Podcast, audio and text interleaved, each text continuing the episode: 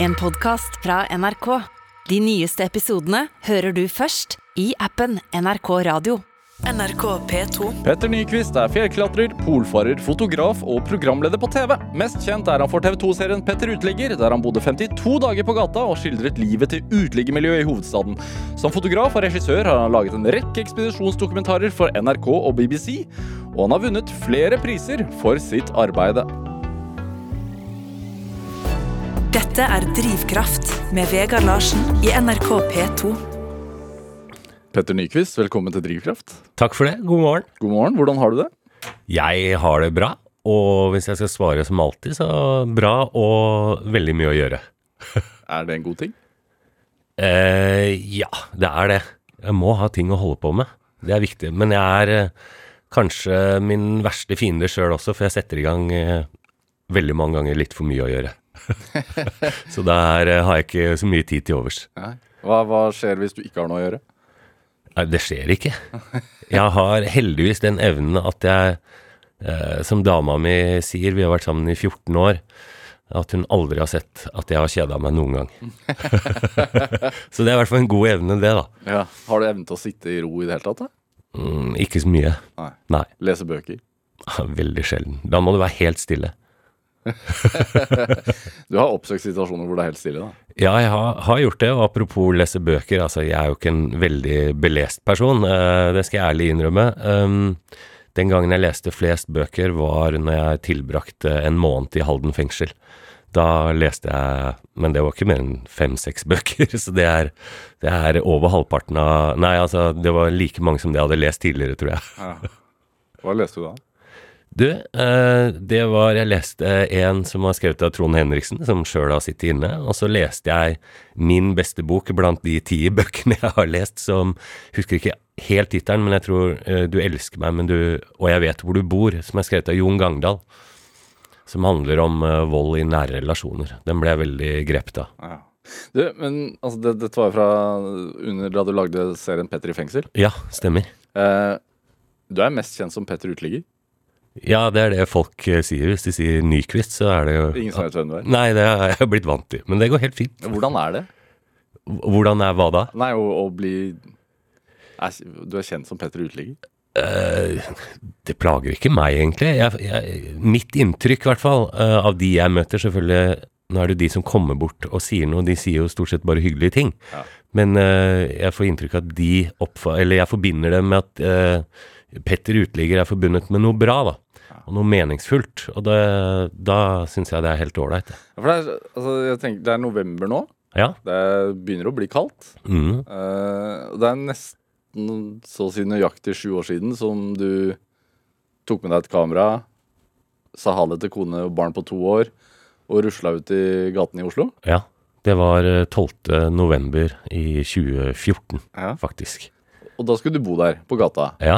Eh, hva tenkte du? Husker du det? Hva du tenkte da du gikk, da du gikk hjemmefra?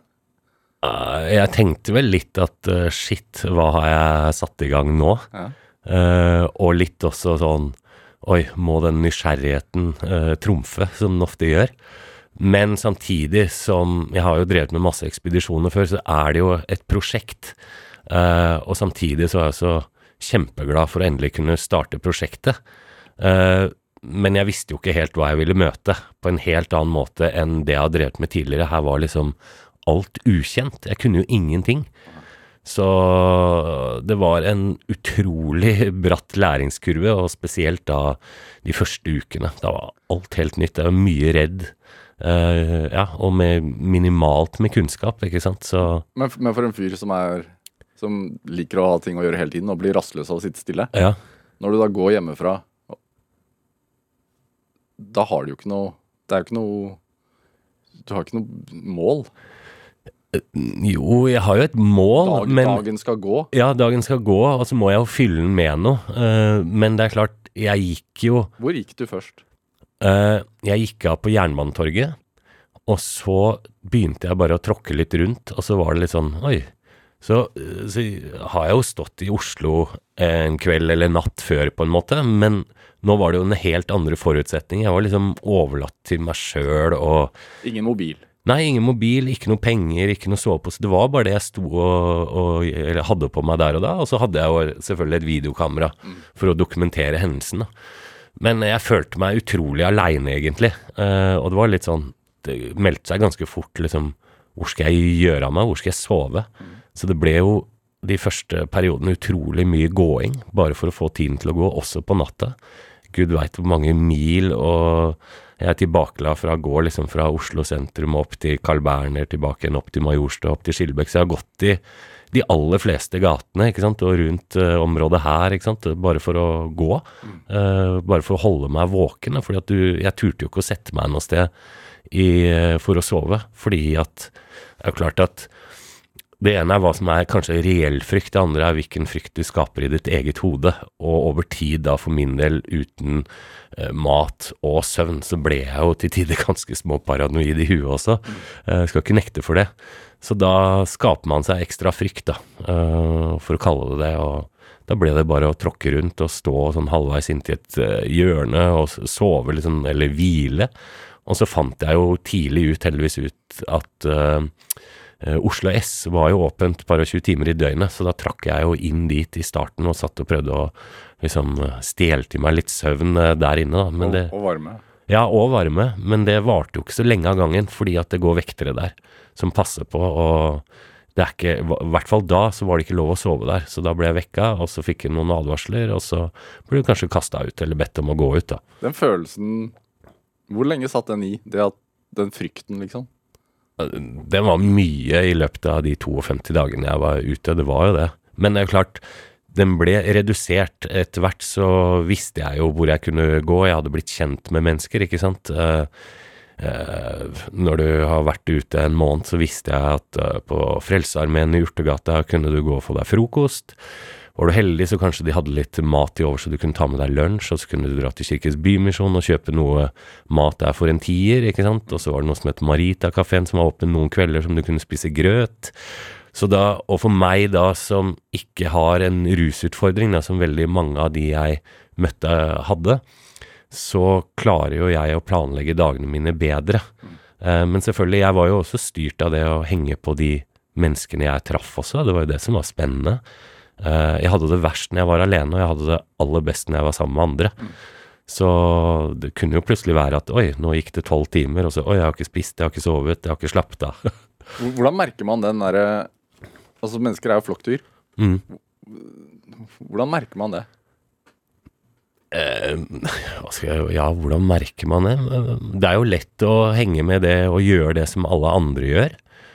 Og jeg merket jo også til tider når jeg var ute, eh, altså øh, om du kaller det flokkdyr i andre skalaen, at jeg ekskluderte meg sjøl fra samfunnet, men jeg ble også ekskludert. Så det var en sånn kombo. Jeg valgte jo, når jeg hadde kanskje fått noe penger i koppen, så hadde jeg, eh, klarte jeg å spare opp litt innimellom. Så jeg husker jeg gikk forbi et sted i Storgata, så titta jeg inn, så satt det folk der inne og spiste og hygga seg. Så tenkte jeg åh, det hadde vært deilig. Men så så jeg jo liksom at eh, jeg var sliten, jeg lukta vondt, ikke sant, jeg var møkkete. Jeg hadde ikke lyst til å gå inn og sitte der, for du følte at du ble liksom sett på på en annen måte. Mm. Og så ble jeg jo avvist noen steder på noen mye mer eh, ikke lavterskeltilbud for mennesker i rusmiljø, men på litt sånn, hva skal jeg si, helt enkle kafeer, på en måte. Og det er klart, du blir minnet på det, og i andre situasjoner veldig mange ganger, og da, da trekker du deg litt unna, da. Mm. Hva med uteliggermiljøet, da? Eh, det er nok litt det samme der også. Eh, Svein, som jeg kjenner veldig godt, han husker jeg også sa det, han minnet meg det her på i sommer når vi var sammen, så sa han det at eh, nei, jeg, jeg ble tilbudt å komme inn et sted og spise et bedre måltid eh, ved Frogner, der hvor han sto og solgte Er lik Oslo, av eh, han som drev restauranten, men han allikevel så valgte han å takke nei. Det var også fordi han ikke hadde tenner, som han sa, ikke sant, og syntes at det var ekkelt, så som han sa liksom, ja, prøv sjøl å gå inn og sette en steik i munnen uten å ha tenner, og, og kanskje se litt annerledes ut. Da føler du deg ikke velkommen, da. Det er jo øh, en stund siden nå, men hva, hva, hva Altså, bærer du med deg noe fra de 52 dagene ennå? Ja, hele tiden egentlig. Altså, jeg vil si at det er sjelden jeg har forandret meg så mye som person på et så kort tidsrom, da. Ja. Uh, altså, Hvordan da? Nei, altså, jeg fikk et helt annet innblikk. Eh, jeg, veldig mange av de fordommene jeg hadde, ikke sant. Eh, jeg møtte meg sjøl i døra mange ganger. Altså, jeg, jeg syns Svein er et godt eksempel. Han, han var jo den stereotypiske, jeg liker ikke å bruke ordet, men det er i anførselstegn, narkomane med knekk i knærne, ikke sant, som så sliten ut. Og så motbeviste han jo meg på alle mulige måter, ikke sant, med den personen han var, de gode verdiene han hadde. Hvordan, Når overrasket han deg først? Han, han var jo den første jeg traff. eh, eh, sier det akkurat som han sa det. Han sa vel 'å, fy faen, snakk om flaks at du traff meg', var det han sa til meg. Her holder du faen ikke ut lenge, jeg tror jeg skal hjelpe deg litt. Det var liksom den klare meldinga. Så ble jeg invitert med hjem til han. Ja. Og så Hadde han rett, tror du? Ja. Jeg, syns jo, sett i ettertid, så tenker jeg at Tenk deg det, Da hadde jeg vært ute i under 24 timer, og allerede så så han at dette her kommer kom jeg til å få problemer med. Uh, men da ble han, inviterte han meg hjem uh, på hospicet sitt. Mm. Uh, ene var å komme inn der, men på veien så stoppa han, kjøpte en flaske med rødvin, husker jeg, og så spanderte han den på meg. Han tok et lite sluk sjøl, og så var jeg litt sånn overraska over eh, skal ikke du ha noe? Nei, jeg, setter meg noe annet, så kan du få den flaska. Altså Han ville liksom bidra med det lille han hadde, da. Mm. Vi sto også på Majorstua, ikke så langt nede her på McDonald's, husker jeg, og han spanderte en burger på meg. Um, så det var liksom flere sånne settinger. Han, han ville dele av det lille han hadde. Um, og så hadde han utrolig mye gode verdier, og jeg føler jeg lærer noe av Svein hele tiden. Ja, han har jo blitt kjempegode venner. Han har jo blitt som en sånn slags familiemedlem. Mm, snart uh, aktuell i ny serie sammen også. Ja, ja, det er det. Så, men, så det, er, det er jo noe spesielt med han uh, på mange måter, og som jeg syns er så fint som han sa, at eh, folk er så opptatt av å finne ulikheter eh, mellom mennesker. Eh, hvorfor kan vi ikke heller fokusere på eh, å finne likhetene, da? Og det er jo, jeg og Svein har mange ulikheter, men vi har desto flere likheter. Vi har den samme eventyrlysten, nysgjerrigheten. Det er jo ikke noe som har vært mer fascinerende for meg i Etter det prosjektet så hang jeg jo masse sammen med Svein. Det å gå rundt i gatene med han og være på en slags ekspedisjon innenfor Ring 3. Altså her har jeg vært og løpt rundt på noen kaller det verdens ytterpunkter, ikke sant. Og det å se hva som finnes i din egen by, da, og det å, han finner det han kaller skjulte skatter, og finner verdier i de tingene som vi kanskje ikke ser som verdier lenger, og hiver i, i konteinere eller Hva, hva kan det være? det kan være alt fra en uh, liten uh, Hva skal jeg si Alt fra julebelysning til eh, klokker til eh, diverse gjenstander. eh, som han finner og plukker opp og syns er utrolig spennende. Og så kanskje modifiserer han det litt, som han ofte gjorde med bilder han fant. og Husker han fant et eller annet sånn gammelt maleri eh, som han gjorde til sin versjon. Og så titta jeg opp på den jeg kom på hospice, og så var det liksom malt et sånn litt stygt ansikt utapå det portrettet. da. Og så spurte jeg hva det var. Nei, det var eh, svigermor fra helvete. det var hans eh, tolkning. Hvordan ser Oslo ut fra andre sida, Um, for å kalle det det? hva skal jeg si Det var mange ting jeg ser om Det er litt, høres litt rart ut om det er yrkesskade, men jeg, jeg bemerker meg det fortsatt den dag i dag. Altså når jeg går i Oslo, og spesielt på kvelden, så oppdager jeg kanskje kriker og kroker, og så tenker jeg at oi, der kunne man ha sovet. Eh, og det var jo en ting jeg opplevde, i hvert fall, eh, som sov ute. Eh, det var hvor er det jeg kan eh, legge meg, eh, og hvor kan jeg legge meg hvor jeg kan føle meg trygg. For du har jo ikke lyst til å ligge så veldig åpent lyst. Um, og det er, var en mye større utfordring for eksempel enn det jeg trodde. Så jeg tenker at eh, jeg er i hvert fall ikke noe for sånn fiendtlig arkitektur, ikke sant, hvor du skal hindre folk i å kunne ligge og lage benker som det ikke går an å Ligge på, ja. ligge på, ikke sant. Eh, disse, mange av de folka trenger den hvilen de kan få, og så lenge de ikke forstyrrer andre, eh, så syns jeg at eh, la de få ligge der og hvile. Er det har, Tror du livet eh, på gata, holdt jeg på å si, har forandra seg på de sju åra? Ja, det er vel dynamisk, men det er jo mange ting som går igjen hele tiden. Det som jeg har lyst til å trekke fram, er alle de fine tilbudene som finnes. Um, nå er jo Oslo liksom den største byen, så det er klart det er veldig mange flere tilbud her enn i andre mindre byer, eller tettsteder f.eks. Men ikke minst alle de flotte menneskene som jobber de stedene, og som møter deg med et smil og kanskje ønsker deg velkommen inn. Et sted hvor du kan sette deg ned og kanskje få hvile litt, og ingen stusser over at om du sovner litt, eller hva det enn måtte være. Et sted du kan få en dusj, ikke sant. Det er masse fine tilbud rundt omkring. Og det tror jeg har vært også veldig utfordrende i den unntaksperioden vi har vært i nå i lang tid, da, hvor mye av det har vært stengt til tider, da. Så det har jeg lyst til å i hvert fall rose, da, alle de flotte menneskene og de tilbudene som er rundt omkring. Det er snart jul, da. Du feira jul på gata òg. Ja, det er veldig spesielt, eh, for den jula har jo Det har gått noen uker allerede, så har det vel hengt opp eh, julepynt. Det starter jo veldig tidlig. Og en ting som jeg har lyst til å trekke fram når du sier det, det er at det skjer noe med omsorgen til mennesker. Vi får en veldig mye mer omsorg i jula. Um, for å gi et eksempel, da. Um, så første gangen jeg tigget, så fikk jeg, tror jeg, på halvannen time 15 kroner i den koppen. Uh, siste gang jeg tigget, som var, uh, som var uh, jula, nei, lørdagen før julaften, så fikk jeg over 2000 kroner. og da ser du jo den markante økningen.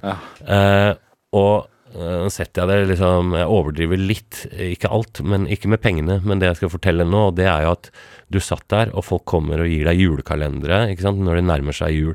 Julekalendere, appelsiner, eh, sjokolader. Så til tider så følte du satt og dukka unna. Det ble kasta nesten etter deg for gaver som svigermor skulle egentlig ha, ikke sant. Eh, så det kan bli litt sånn overveldende. Det er ikke det at det er veldig hyggelig, men det jeg syns vi kan bli flinkere til, det er å fordele den omsorgen utover hele året. Hva med påsken? Den eh, er en høytid med veldig mange helligdager, den òg. Hvorfor skal vi bry oss mindre da enn det vi gjør i jula? Så det, jeg vil fortsatt at folk bryr seg i jula, altså, men det går an å ha den omsorgen hele året igjennom. Og det får man jo føle på. Jeg var på mm, åpningen, eller lanseringen av juleboka til Jeg liker Oslo, som kom på fredag.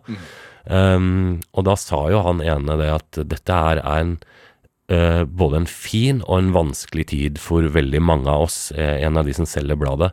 Det fine er at juleboka til Jeg liker Oslo kommer, for det er et høydepunkt for veldig, veldig mange av selgerne, men også at vi går inn i en veldig vanskelig periode for mange av oss, da. Så jeg tror ikke det er enkelt, altså ensomheten, eh, som ikke bare de på gata kan føle på, men andre steder også. Eh, mange av de har kanskje brutte relasjoner, kanskje noen har opplevd ting de ikke skulle oppleve, etc. Ikke sant. Eh, det er mange, mange, mange svar. Hvordan var det? Men altså, du hadde jo reist fra kone og, og barn, da. Og hvordan var det å feire julaften, da? Uh, det var veldig spesielt. Um, Da må jeg hoppe til dagen før, tenker jeg, fordi at da lå jeg i en hule ved gamle trafikkmaskinen ved Oslo S, eh, for de som er kjent i Oslo. Eh, og jeg hadde jo spart opp litt penger. Jeg hadde lurte meg sjøl til at jeg hadde det egentlig bra. Jeg hadde det ikke noe bra. Um, men du da, sa til deg selv at nå har jeg det fint, men Ja. du hadde det ikke fint. ja, så jeg hadde, jeg hadde slått på stortromma, liksom, følte jeg, sånn økonomisk i den situasjonen. Så jeg hadde kjøpt et juletre på Nille til 149. Jeg hadde kjøpt noe girlander og julepynt, og så syntes jeg fakler var for dyrt, så det stjal jeg. og så lå jeg der og sang litt julesanger for meg sjøl. Det var nitrist i en sånn uh, betonghule, liksom. Um, Og så hadde jeg det jo egentlig ikke bra, men jeg hadde én ting som var veldig fint, og det var at jeg hadde fått med meg en julegave i det jeg dro hjemmefra, fra familien eh, min, fra Mari og Ingrid. Og den la jeg da under juletreet, så når jeg våkna på julaften, husker jeg da, så gleda jeg meg som et lite unge, og så åpna jeg opp den pakken. Det var bare en sånn veldig uh, flatpakka på størrelsen med kredittkort, litt tykkere. Um, så åpna jeg den, og så var det tre julegaver inni der, uh, eller tre gaver. Um, hvis du har tid, så kan jeg fortelle hva det var. Ja. Eh, jeg ble jævla skuffa, rett og slett, når jeg pakka det opp. Fordi det første det var, var en kaffeavtale på Narvesen. Eh, og for en som ikke er noe glad i kaffe, eh, eh, så ble jeg veldig skuffa over det. Selvfølgelig så kan du bytte den i en kakao eller noe sånt, men det jeg var skuffa over da, da tror jeg Mari og jeg hadde vært sammen i åtte år, det var at hun ikke hadde fått med seg at jeg drakk eh, kaffe ennå. Eh, det var det jeg ble skuffa over. Og det andre var sånne profesjonelle sove i ro, sånne der, eh, høreplugger. Eh, og var det noe jeg ikke trengte, så var det å blokke ut noen av sansene mine, for jeg lå jo og var helt var for å prøve å få med alt som skjedde, tilfelle noe kunne skje.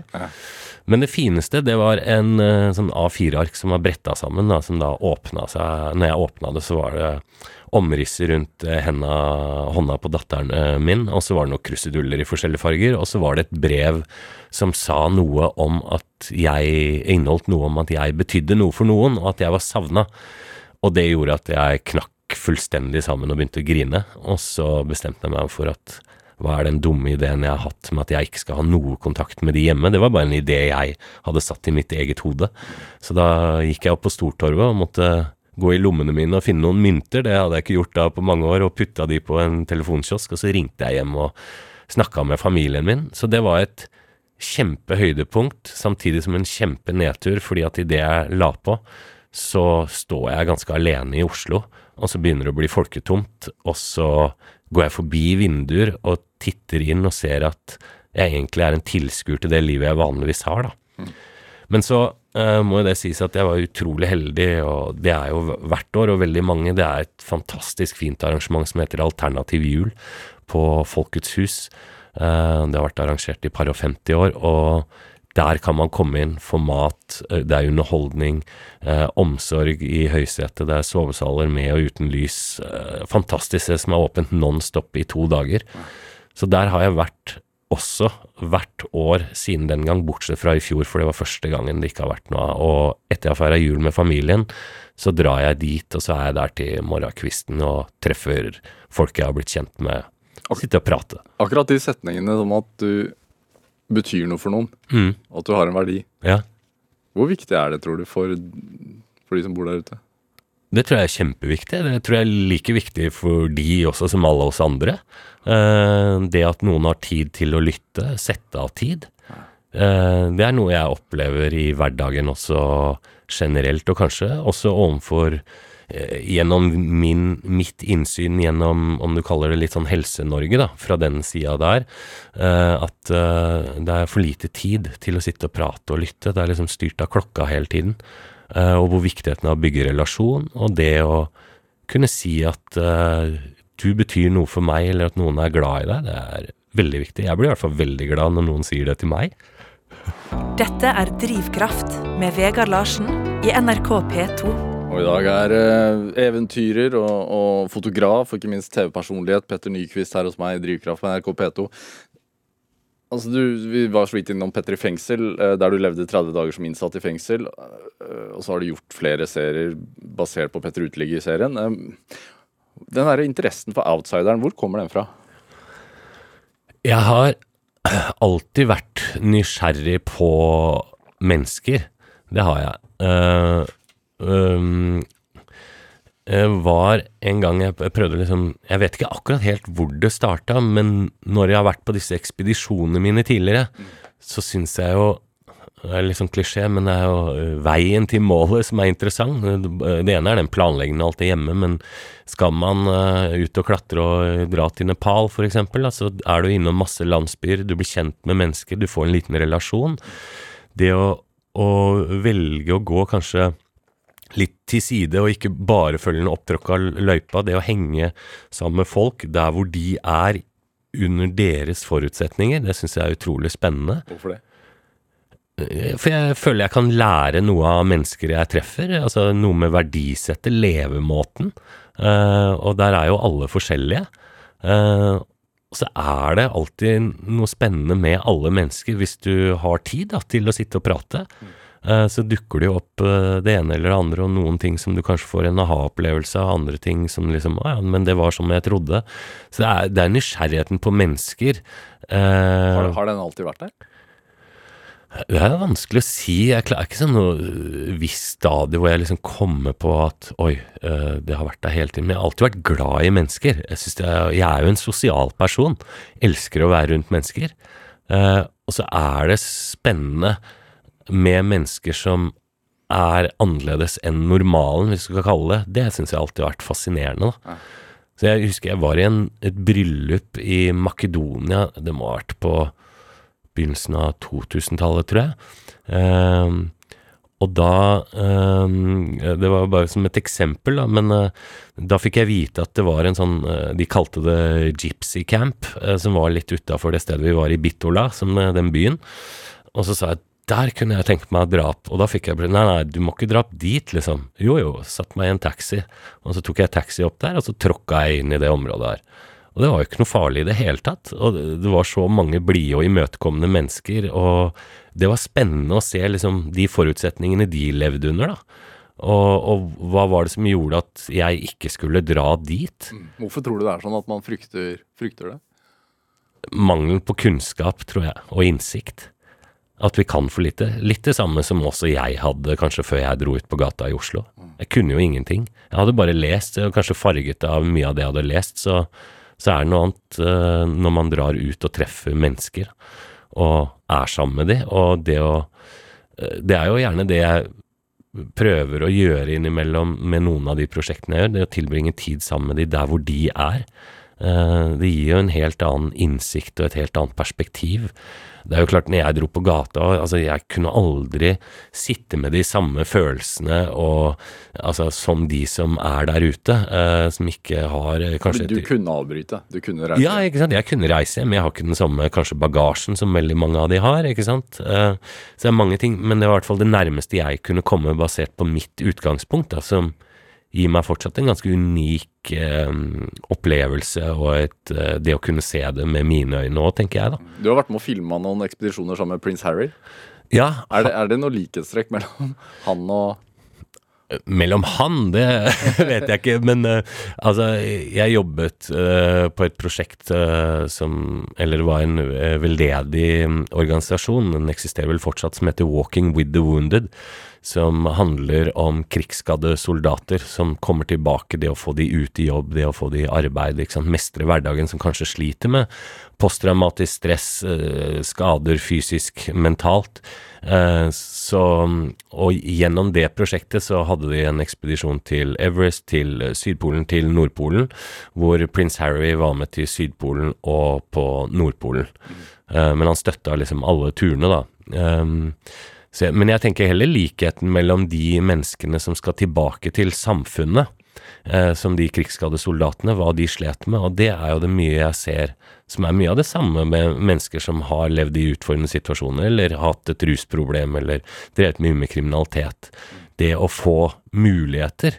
Jeg mener jo at vi som samfunn Ehm, kanskje har litt andre forestillinger enn hva som kanskje alltid er helt realistisk. Da. Når f.eks. en kommer tilbake fra en behandling eller fengsel eller hva det måtte være. Uh, hva slags bakgrunn har de? Hva slags oppfølging får de? Uh, hva slags muligheter får de hvis ikke noen vil ansette de? Uh, hvis ikke noen vil eh, la de leie hos seg, etc. Da ekskluderer vi jo de.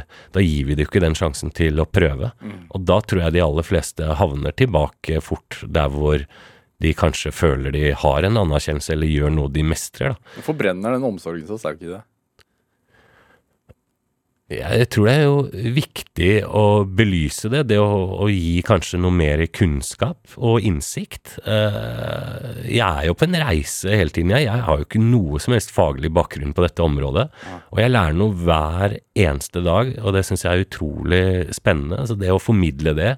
Det å kanskje også kunne være en liten stemme for noen som ikke alltid kanskje har en stemme, på, eller får muligheten til det. Uh, og så er det noe å ta vare på de menneskene vi har rundt oss, og det å se de som likesinna mennesker, som alle andre. Uh, Petter Nyquist, vi skal spille litt, uh, spille litt musikk. Ja, du har med en Coldplay-låt. Ja. Hvorfor det? Eh, ja, jeg fikk spørsmål om det, om det var en låt som betydde for meg, og det første som meldte seg akkurat da, det var eh, Coldplay med sangen Oh. Uh, nå ble jeg litt sånn sentimental nesten når jeg prater om det, men det, eh, når jeg ble spurt om det her for en uke siden, så, så var det bare noen dager tidligere. Så når jeg sitter og kjører, så hørte jeg på den låta, eller den dukka opp på playlisten min. Og da sitter jeg der og griner for meg sjøl når jeg hører den, men det minner meg om Ja, nå merka jeg det, for det er veldig sterkt. Minner meg om en god kompis av meg, som heter Mark Corneliussen, eller het, som jeg var mye på ekspedisjoner sammen med, og som dessverre døde i, jeg tror det var 2015, eh, som jeg var på mange turer sammen med, og så det er egentlig bare gode minner. Han døde på ekspedisjon. Ja, han døde. Jeg var sammen med han året før, og så ble jeg faktisk spurt om å være med på den turen der hvor det her skjedde. Det var han og en annen bekjent av meg som dessverre gikk gjennom isen og eh, drukna nord i Canada. Mm. La oss høre det. Ja.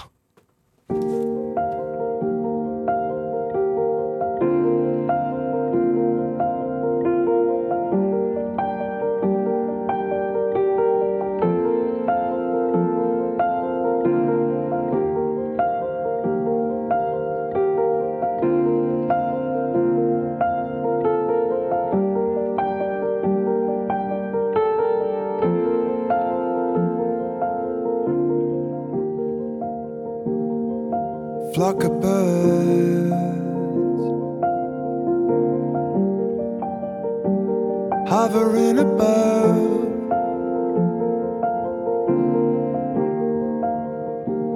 Just a flock of birds. It's how you think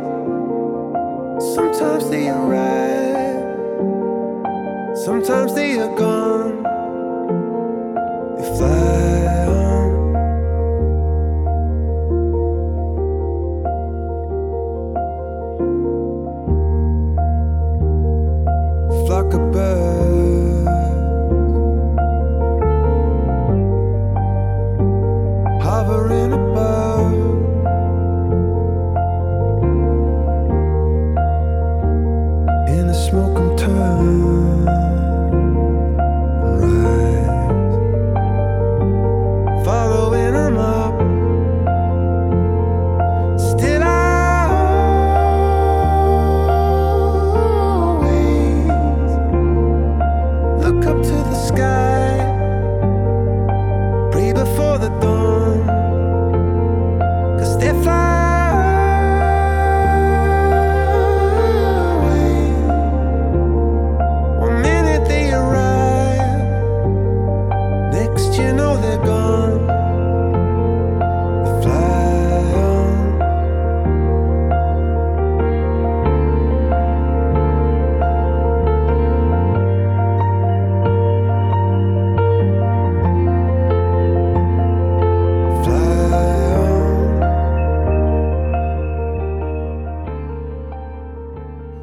fikk en smakebit fra Coldplays O her i Drivkraft på NRK P2, valgt av dagens gjest her i Drivkraft, nemlig eventyrer og TV-programleder Petter Nyquist. Du, du sier sangen minner deg om din, din uh, avdøde venn Mark Cornelissen, uh, Ja. nederlandsk ekspedisjonskompis. Mm, mhm. Hvorfor gjør den det? Uh, hvorfor? Hvem minner deg om han. Eh, nei, han hørte mye på Coldplay, og den sangen her ble også spilt i begravelsen hans. Um, og jeg tilbrakte jo mye tid på mange ekspedisjoner sammen med han. Uh, første gangen i 2004. Så i 2005, og så var vi på Svalbard sammen. Ja, det var mange turer. Um, men han ble jo også en viktig mentor for meg. Han var ti år eldre enn meg, eller noe sånt, men uh, det handlet vel litt om at jeg på en måte følte meg sett, kanskje. Uh, og at han ga meg en sjanse, i hvert fall den første gangen. Jeg var såpass ung uh, og hadde ikke vært så lenge i det gamet, liksom. Uh, og så hadde vi mye av de samme interessene, selvfølgelig. Eventyrlysten, nysgjerrigheten og, og driven da, for å sette i gang prosjekter. Det er båndet som oppstår Ja. når man er på sånne turer. Mm. Hvordan er det? Det er jo helt unikt. Altså, jeg vil jo si at andre får det samme som er lever tett innpå hverandre, men det er klart, eh, i sånne tilfeller Den siste turen vi var sammen på, så var det jo bare meg og han.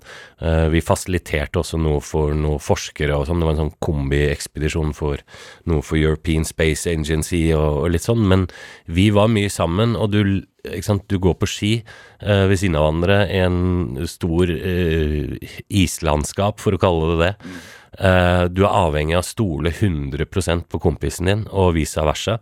Eh, du lærer hverandre, eller du har kjent hverandre godt. Du må sørge for at eh, man tar de riktige avgjørelsene, både hver for seg og sammen, selvfølgelig.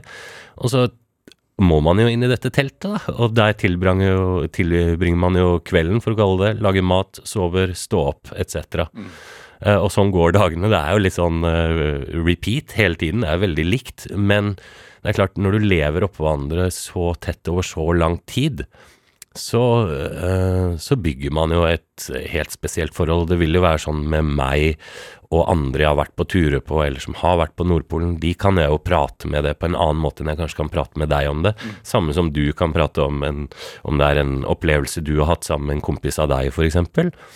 Så det, det ble veldig sterkt knytta, og så fikk jeg et veldig nært forhold til familien hans. Og jeg bodde jo bo, øh, Altså, jeg flytta ikke, men jeg bodde jo og tilbrakte mye tid øh, hjemme hos han, i leiligheten sammen med kona hans, datteren hans, ikke sant. Så det var øh, Nei, det, er, det blir vel som alle, du, en person du blir utrolig glad i, da. Og da er det jo selvfølgelig trist når noe sånt skjer. Uh, og det spesielt da, og i hvert fall nå etter jeg har fått barn sjøl. Hun datteren som da plutselig ikke hadde noe far, da. Så Nei, men eh, nei, han betydde utrolig mye for meg, og gjør det jo selvfølgelig fortsatt. Men eh, jeg kan ikke prate med han. Men eventyrlysten din er det, altså du, er, du er fra Bærum.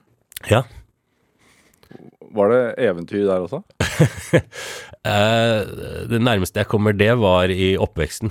Broderen tok meg med mye ut i naturen, overnatta ute. Jeg husker ikke hvor gammel jeg var første gangen, men om jeg var ni eller hva det var. Han, ja, han er fem år eldre enn meg. Og så ble jeg med i det som heter Ungdommens Røde Kors, som er sikkert tilsvarende som Speideren. Eh, og da var vi mye på turer og ute i marka, spesielt i Kolsås-området. Eh, og det var vel sånn gleden av å være ute, da, uh, oppsto. Og det er jo noe jeg dyrker eh, nå uh, veldig mye. Nå bor jeg liksom tre minutter fra den samme skogkanten, for å kalle det det. Så jeg er jo der med barna mine veldig ofte. Og i morgen skal jeg ha med en gjeng fra folk som kanskje tidligere, altså gjennom en stiftelse jeg har, da, med folk i utfordrende situasjoner, så skal jeg ta med en liten gjeng i morgen på tur til Kolsåstoppen. Så Men hva, hva, hva slags barndomshjem var det? Jeg vet at du hadde svømmebasseng. Ja, eh, og når du sier det sånn, så tenker jeg åh, du er fra Bærum svømmebasseng. Men eh, det kom, eh, kom litt til på andre måter, vil jeg si. Altså, faderen jobba jo med vann- og renseanlegg som sånn eh, ingeniør, eller hva det var. Så han det var jo en grunnkjeller der, om det var potetkjeller eller hva det var. Så jeg husker i, fra min barndom så sto han der med sånn meisel og hammer og sto og kakka vekk eh, liksom eh, grunnfjellet. Og gud veit hvor mange år han holdt på dykk, dykk, dykk, dykk, ikke sant, hele tiden. Han hadde, han hadde ikke rota sitt Nei, han hadde også et prosjekt, og det er vel der eh, sammen med meg og broderen og mamma. Alle hadde prosjekter hele tiden. Så da han holdt på med det i mange år, og husker jeg han var så glad når han fikk seg leid seg en kompressor som gjorde mye av jobben. Så gud veit, det er mulig jeg sier feil, men han, om han har brukt fem, seks, sju, åtte år, og så ble dette bassenget ferdig, da. Men han hadde bygget det helt fra bunnen av sjøl, da. Hvordan var avdukingen? Det var noen naboer som var på besøk, og da husker jeg Det har jeg bilde av. Står jeg i sånn uh, liten badebukse, og så er det en sånn liten dør med glassvindu inn til liksom uh, det svømme... Høres så teit ut, svømmehallen. Det er kanskje litt feil å si. Men, uh, men inn der altså med et bånd, og så ble det klippa en snor. Og da ble det jo bading nonstop, og så ble det restriksjoner etter hvert på hvor mye vi kunne bade.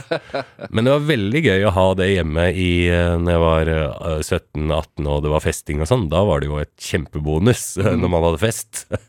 Så Hvor, my hvor mye, mye var da det? mye. Ja. Ja. Hva vil det si?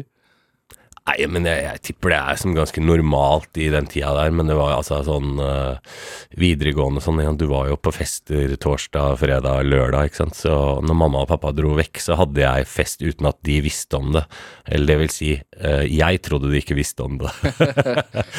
så de visste nok mer enn det jeg visste. Sosial ungdom? Ja, jeg var veldig sosial. Jeg hadde jo det utrolig gøy. Mange gode venner og barndomsvenner som jeg fortsatt har det veldig gøy sammen med. Hadde, hva, hadde du noen målsetninger? Visste Nei. du retningen, liksom? Nei, jeg hadde ikke peiling hva jeg ville. Og det starta på ungdomsskolen, husker jeg, når du skulle fylle ut eh, hvor, eller hvilken linje vil du gå på som eh, i videregående. Eh, og da ville jeg altså gå noe håndverkermessig. Det var liksom musikk, eller så var det, tror jeg det var møbelsnekker, uh, eller idrett, tror jeg det var. Men det lå liksom ikke helt i kortene hos mamma og pappa.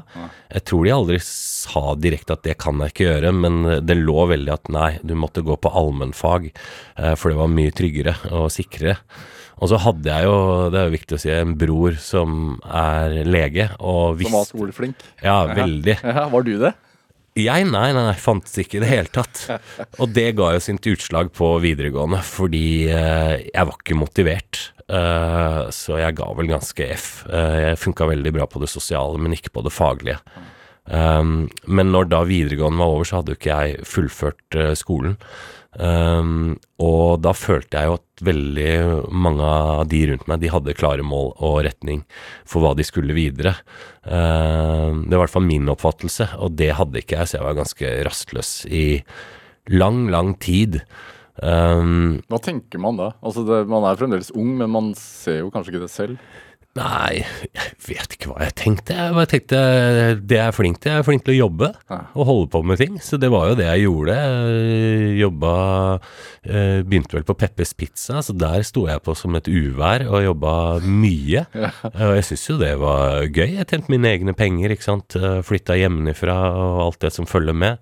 Så alltid vært glad i å jobbe, og det var liksom etter noen år, det var da den tilfeldigheten dukka opp inn i den der ekspedisjonsverden, hvor jeg sitter på en eh, den gangen Nickel Sønn som lå i Sandvika, sitter jeg der eh, og tar noen øl, og så kommer det en kar bort til meg, og en som het Fredrik, så, forteller, eller hadde han en knukket tann?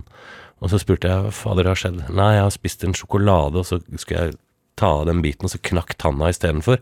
Og så forteller han at han har vært på Nordpolen med Børge Ausland. Og så husker jeg wow, og det hadde jeg alltid vært litt fascinert av. Ikke sånn at mamma og pappa hadde lest om eh, Nansen eller Amundsen på senga eller noe sånt. Men da ble jeg fascinert, så tenkte jeg, husker jeg spurte ja, men kan ikke du forklare? Og da sa han noe sånt som at eh, det kan jeg ikke forklare, det må du bare oppleve. Men jeg kan ringe Børge, så kan du høre det kan det hende han skal på en ny tur. Og så gikk det noen uker, tror jeg, så ringte plutselig Børge meg. 'Hørte du jeg er keen på å være med på tur?' Bare sånn ja, ja, ja. Altså, du kjente han ikke? Børge? Nei. Nei, ikke fra før av. Men hadde du noe tur- tur-CV som han kunne la seg Nei, men det var jo Det tror jeg var andre året hvor Børge startet med eh, sånn kommersielle turer hvor han tok med seg folk. Men da Uh, når jeg fikk det spørsmålet, så tenkte jeg Jeg bare sa ja, uten å tenke så mye over det. Altså Selvfølgelig, det kosta jo mye penger. Hvor mye da? Uh, jeg tror den totale kostnaden med alt med utstyr og alt kom på en Må ha vært litt over 200 000. Det var ikke penger jeg hadde.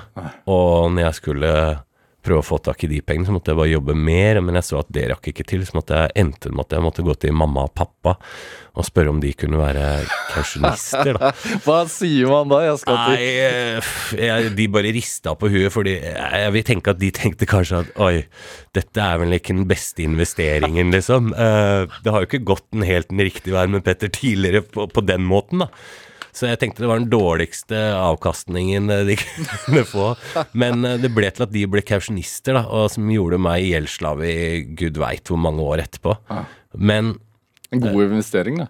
ja, sånn i etterkant, selvfølgelig. Det er det beste investeringen jeg har gjort. Fordi at men jeg husker når jeg var da oppe på Nordpolen og gikk på ski der da, det var jo et år senere fra jeg ble spurt, så, så tenkte jeg at fy fader, det her digger jeg å gjøre.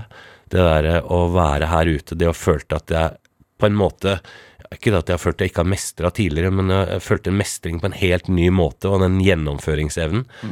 Og da bare tenkte jeg at det her er noe av det beste jeg kan gjøre. Hvordan kan jeg gjøre mer av det? Det var egentlig det jeg tenkte. Og så ble det liksom starten på, på videre ekspedisjoner, både på det private eh, basis, liksom, som også utspilte seg til siden at jeg begynte å jobbe som kameramann og i andre settinger. Da. Hvorfor plukka du opp kamera? Fordi jeg var eh, på, Det starta litt på den turen, fordi jeg tenkte at jeg må jo filme og jeg må jo dokumentere. Jeg kommer jo bare søren meg til å være her én gang, så jeg må i hvert fall sitte med noen minner. Og så ville jeg også dokumentere mine egne oppturer og nedturer underveis på denne turen. Ja. Eh, og hvordan du klarer å liksom finne motivasjonen til når du er langt nede, og bygge deg opp igjen. da. Hva fil Filma du da, eller Ja, jeg filma meg sjøl. Ja. Det var den tidens eh, selfie-variant, når ingen hadde hørt om selfie, liksom. Uh, I dag er jo det vanlig. Det å gå og filme seg sjøl, liksom. Når filma du da? I teltet? Nei, og når jeg gikk på ski og alt mulig. Så jeg var jo veldig ivrig. Så det var jo det var liksom starten til den der nysgjerrigheten. Og Hvordan, husker, husker du noen nedtur på turen som du filma? Oh, nei, nå er det over 20 år siden, men jeg, det var jo flere ganger. ikke sant, Når været, når det er litt whiteout og du ikke ser noe, pulken føles ekstra tung, ikke sant, og det er lenge siden du har spist, og det er kaldt, så er det liksom åh, da står du der, og så er det ikke så gøy akkurat der og da. Men så finner man jo noe i seg, ikke sant, og så er det plutselig noe annet som driver deg videre, og så føler du at fy fader, det her fikk jeg til. Og jeg har jo på andre turer stått med og dratt f.eks. med han Mark, som vi snakket om, eh, med liksom 120 kilo pulken skal du over en enorm skrugard, og så bruker du jo mange timer på å forsere den. Eh, men det er jo en utrolig mestring når du da har klart å komme til opp på andre siden, da. Men det er, ekstrem, det er et ekstremt valg, da. At man må på Mount Everest, man må på Sørpolen. Altså, Ja, det er en eventyrlystrang, men du kan jo si at de første turene vil jeg si handlet mye mer om å finne meg sjæl. hva vil det si? finne ut hva jeg selv ville, eh, hva, jeg, hva som drev meg, og det var jo spennende å se og lære meg selv å kjenne. Altså, eh, eh, hva skal jeg si det å, Jeg kjenner meg jo selv, føler jeg, veldig godt sånn mentalt sett, da, den, når jeg er svak eller når jeg er sterk. Hæ? Det er jo, uten at jeg skal gå for mye inn på det, det, men dette er jo også grunnlaget for at jeg følte at jeg kunne klare å gjennomføre og være ute på gata i 52 dager, både fordi jeg hadde den stay-evnen, og fordi jeg hadde kunnskapen med å filme det. Det er ikke dritfett når du ikke har spist på et døgn, og det høljregner, og det er kaldt, og du skal finne et sted å sove, og så må jeg gå bort, sette opp kamera, gå tilbake igjen, og gå forbi, for jeg vet at det er klippebilder man trenger, ikke sant? Ja. Så Nei, så det handla mer om å finne seg sjøl på de første turene, og etter hvert, idet jeg begynte å få forespørsler om å være med og filme på andre ekspedisjoner, og f.eks. gjennom Walking with the Wounded, som vi var inne på, Med så oppdaga, ja, så oppdaga jeg noe nytt, ikke sant, og det var jo det der at oi, med mitt kamera så kan jeg være med på å fortelle historier eh, gjennom min linse, ikke sant. Og det å fortelle historier som kan kanskje motivere eller inspirere andre, da. Og da ble det mye viktigere enn meg sjæl. Hva ser du etter gjennom kamera? Og jeg, altså jeg er jo på hele tiden når jeg har kamera, for jeg må jo høre etter hva som blir sagt, og jeg må gjøre forskjellige utsnitt, ikke sant. Men, men en ting jeg har lært, at uh, det spiller ingen rolle hvordan kamera du har, for historier trumfer alt. Um, og det har jeg sett i etterkant, og når jeg har blitt spurt om å dra med på ekspedisjoner og filme, om det har vært for BBC, så begynner de å line opp en sånn utstyrsliste hvor jeg har bare sagt det er ikke aktuelt. Vil du at jeg skal filme, eller vil du at jeg skal ta opp kameraet når vi stopper opp? For det funker ikke. Og det handler jo om å filme mest mulig, og så må du jo være der når ting, altså når shit hits the fan òg, og fange de øyeblikkene. Og det å øh, snakke med de menneskene som har vært på ekspedisjon, at jeg skal, må være der i alle settinger, ikke bare når ting er bra. Men hvordan er du holdt? Altså, henger bare kameraet på deg? Ja, jeg har kameraet alltid hengende her liksom over skulderen, sånn at jeg bare kan ta det opp, og så er det rekk med en gang. Uh, og det må du kunne gjøre, og at jeg kan gå med det i hånda, så det må være et mindre kamera, for da kan jeg gå ved siden av. Og på mange av de turene så må jeg jo trekke min egen eh, pulk og mitt eget utstyr, for jeg ønsker da å være helt selvforsynt, tilfelle noe skulle skje. Så da har jeg jo ganske mye mer vekt enn noen av de andre, så jeg får jo, og jeg må jo løpe forbi for å sette opp kamera, og så må de ta meg igjen, og så må jeg ta de igjen, så det er, det er mye jobb, da. Ja, for det er sånn, Når man ser på 71 grader nord og sånn, så Ja, tenker den- man sånn Å, de er flinke, de som klarer å Ja, ja. klatre opp det fjellet og sånn. Men i forhold til Altså, det er jo kamerafolka som er Ja, ja, de er glemt, altså. De gjør en vanvittig jobb, og hvor mange de er, ganger de er fram og tilbake og rundt. Og så må de få med seg det som skjer òg, og så må de fullføre på en måte en historie òg. Ikke sant. Du må jo ha en avslutning. En start, et midtpunkt og en avslutning. Men er du sånn på hjemmebane også? På privaten? Eh, med å fullføre? Nei, med å dokumentere?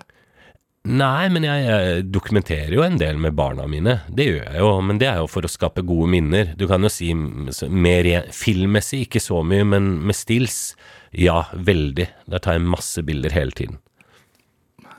Så litt som jeg tror at ungene mine kan være litt sånn, bli litt irritert. Men jeg tenker at bilder er jo noe av det fineste man har som man kan sitte og se tilbake på.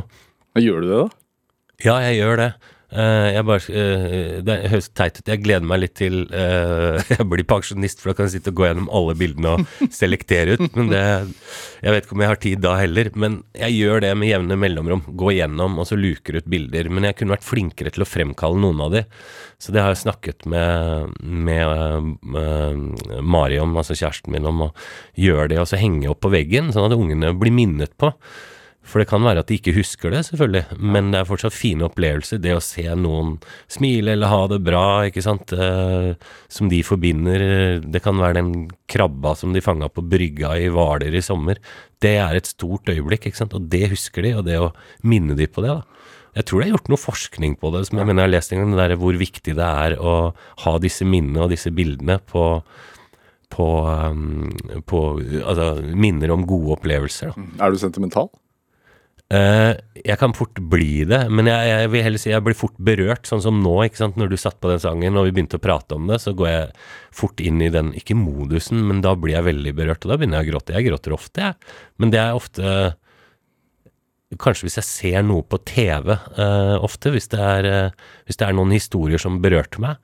Jeg så Nå var det, var det forrige helg eller hva det var? Det var en eh, Vårt lille land hvor det var en hockeyspiller som var blitt lam, og så hadde hele laget stilt opp for å fikse huset til foreldrene, og sånn at han skulle eh, få det fint der. Da begynte jeg å grine. Fordi at det sier noe fint om mennesker som er villige til å hjelpe andre. Da. Det er utrolig fint. Ser du, har du sett mye av det på turene dine? Ja, det er jo et lagspill hele veien. Jeg syns det var imponerende med spesielt de krigsskadde soldatene. Mangler et bein, mangler en arm, eh, etc. De var så flinke. Nå har jo de en bakgrunn fra militæret, da. Men de var utrolig flinke på teamwork. Altså Når han ene skal klipse en karabin inn på et tau når vi driver og klatrer før vi skulle opp på Everest, eh, så må han bruke munnen sin, ikke sant? For han har jo bare den ene hånda. Eh, og hvordan han får til det. Og så kom han andre kompisen, jeg hjelper deg, så hjalp de hverandre hele tiden. Da. Så det der eh, det, det var utrolig fint og inspirerende å se på, da. Så mm, jeg syns jo vi mennesker er, er jo veldig flinke til å hjelpe hverandre. Det må jeg si.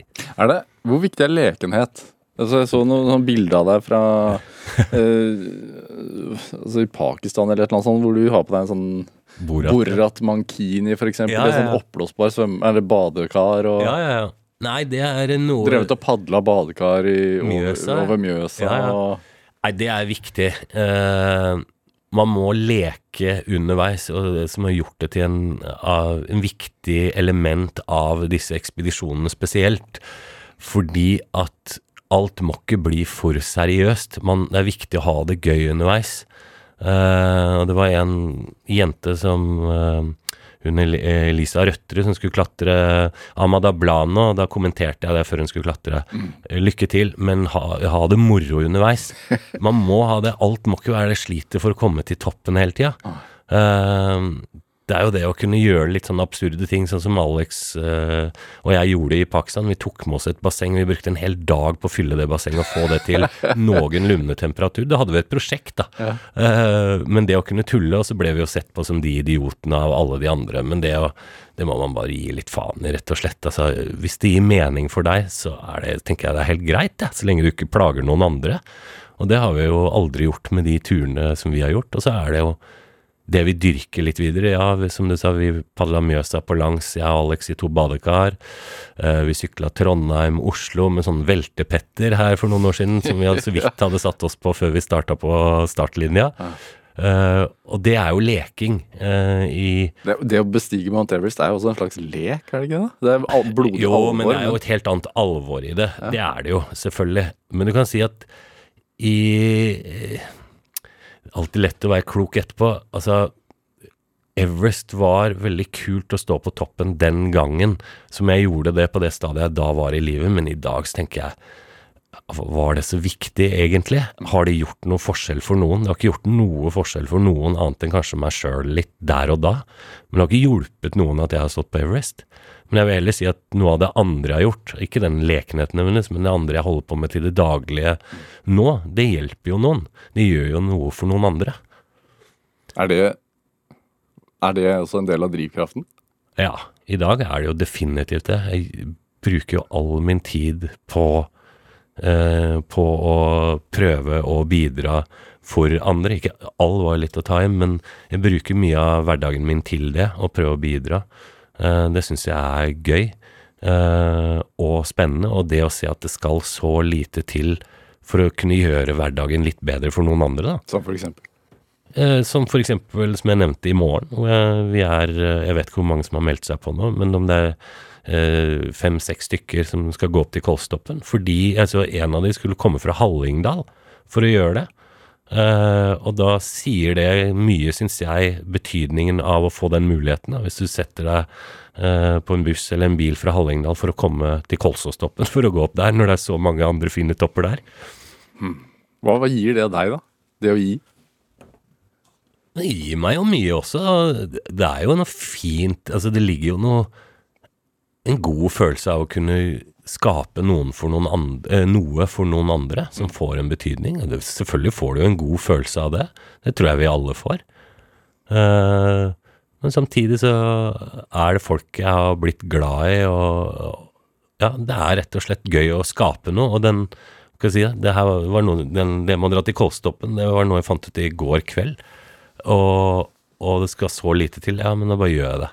Ja. Ja, Istedenfor å dra opp og gå den turen aleine, så er det hyggelig å gå sammen med noen også. Og bare la ut en Ja, så la ut, Vi har en sånn lukka gruppe i den stiftelsen da, for folk med, som har eller har uh, hatt rusproblemer, eller for pårørende. da. Ja.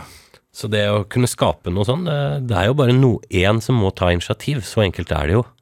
Eh, men det er noen som bare stopper med bare tanken. Det å kunne gjennomføre det. Og da blir, blir det en litt sånn finere tur for deg også, kanskje? Ja, det er helt klart. Det å kunne ikke minst dele opplevelsen sammen med noe annet. Det er dritkjedelig å gå der altså, alene på samme måte. Mye hyggeligere å, å ja, dele opplevelsen sammen med noen, og så betyr vi vel alle like mye for hverandre, tenker jeg.